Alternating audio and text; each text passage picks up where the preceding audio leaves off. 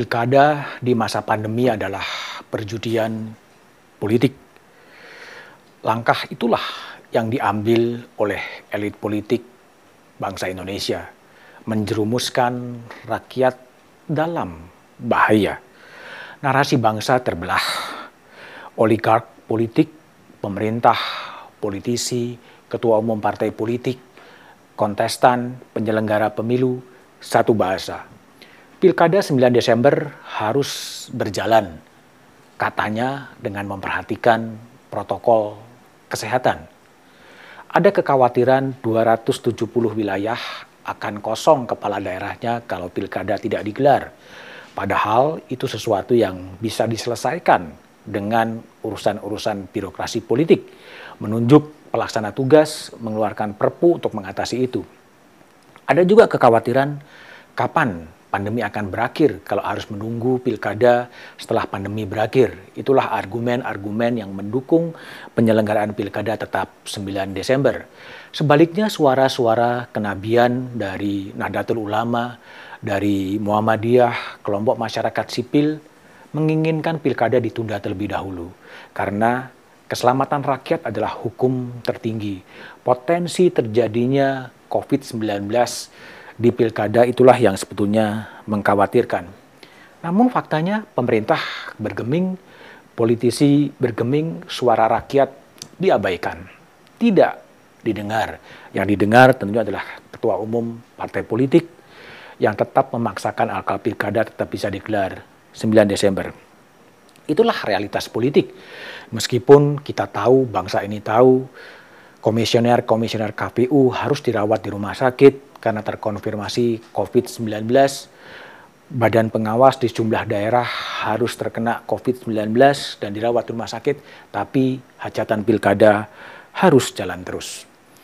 Saya meminjam istilah sahabat saya Muhammad Kodari yang mengatakan pilkada bisa menjadi epicentrum COVID-19. Ini yang mengkhawatirkan.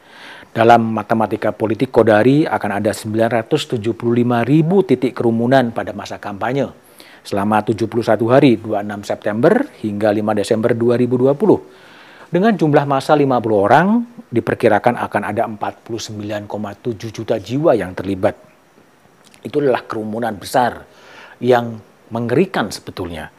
Lebih pada saat pemungutan suara akan ada 305 ribu TPS yang bisa melibatkan 82 juta orang dengan tingkat partisipasi politik 70 persen.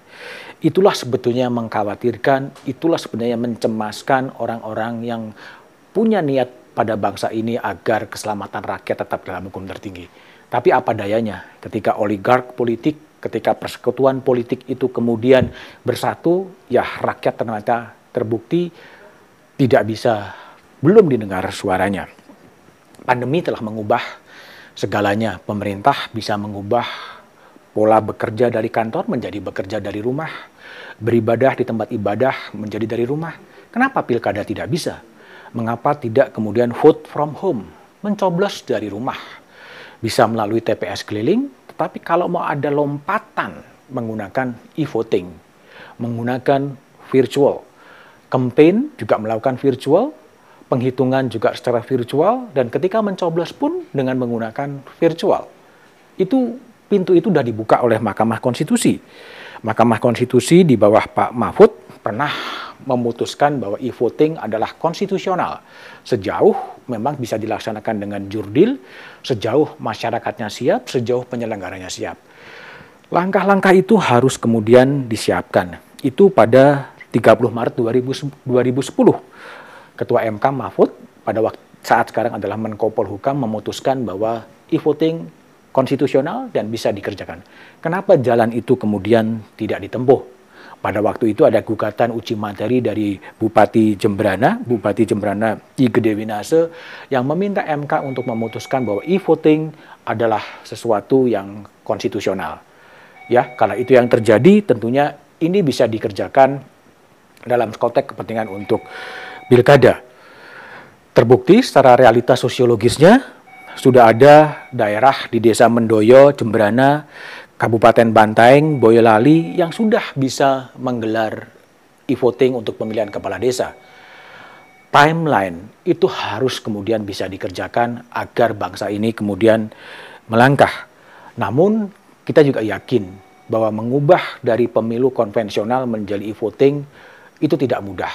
Memang butuh kesiapan dari politisi yang selalu khawatir dengan teknologi dan juga pasti akan ini akan lebih efisien. Padahal pemilu adalah bisnis, ada bisnis kertas suara, ada bisnis TPS, ada bisnis saksi.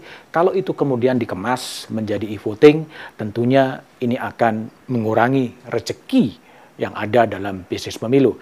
Karena itulah apa pun harus ada keputusan politik yang berani dari Presiden Jokowi meninggalkan istilah Presiden Jokowi adalah membajak pandemi, membajak krisis pandemi dengan mempersiapkan e-voting.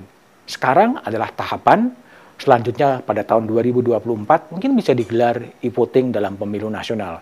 Kalau itu berhasil, tentunya ini adalah legacy bagi Presiden Jokowi selain untuk infrastruktur, tetapi menata sistem politik, melakukan revolusi dalam bidang politik dengan menggunakan e-voting.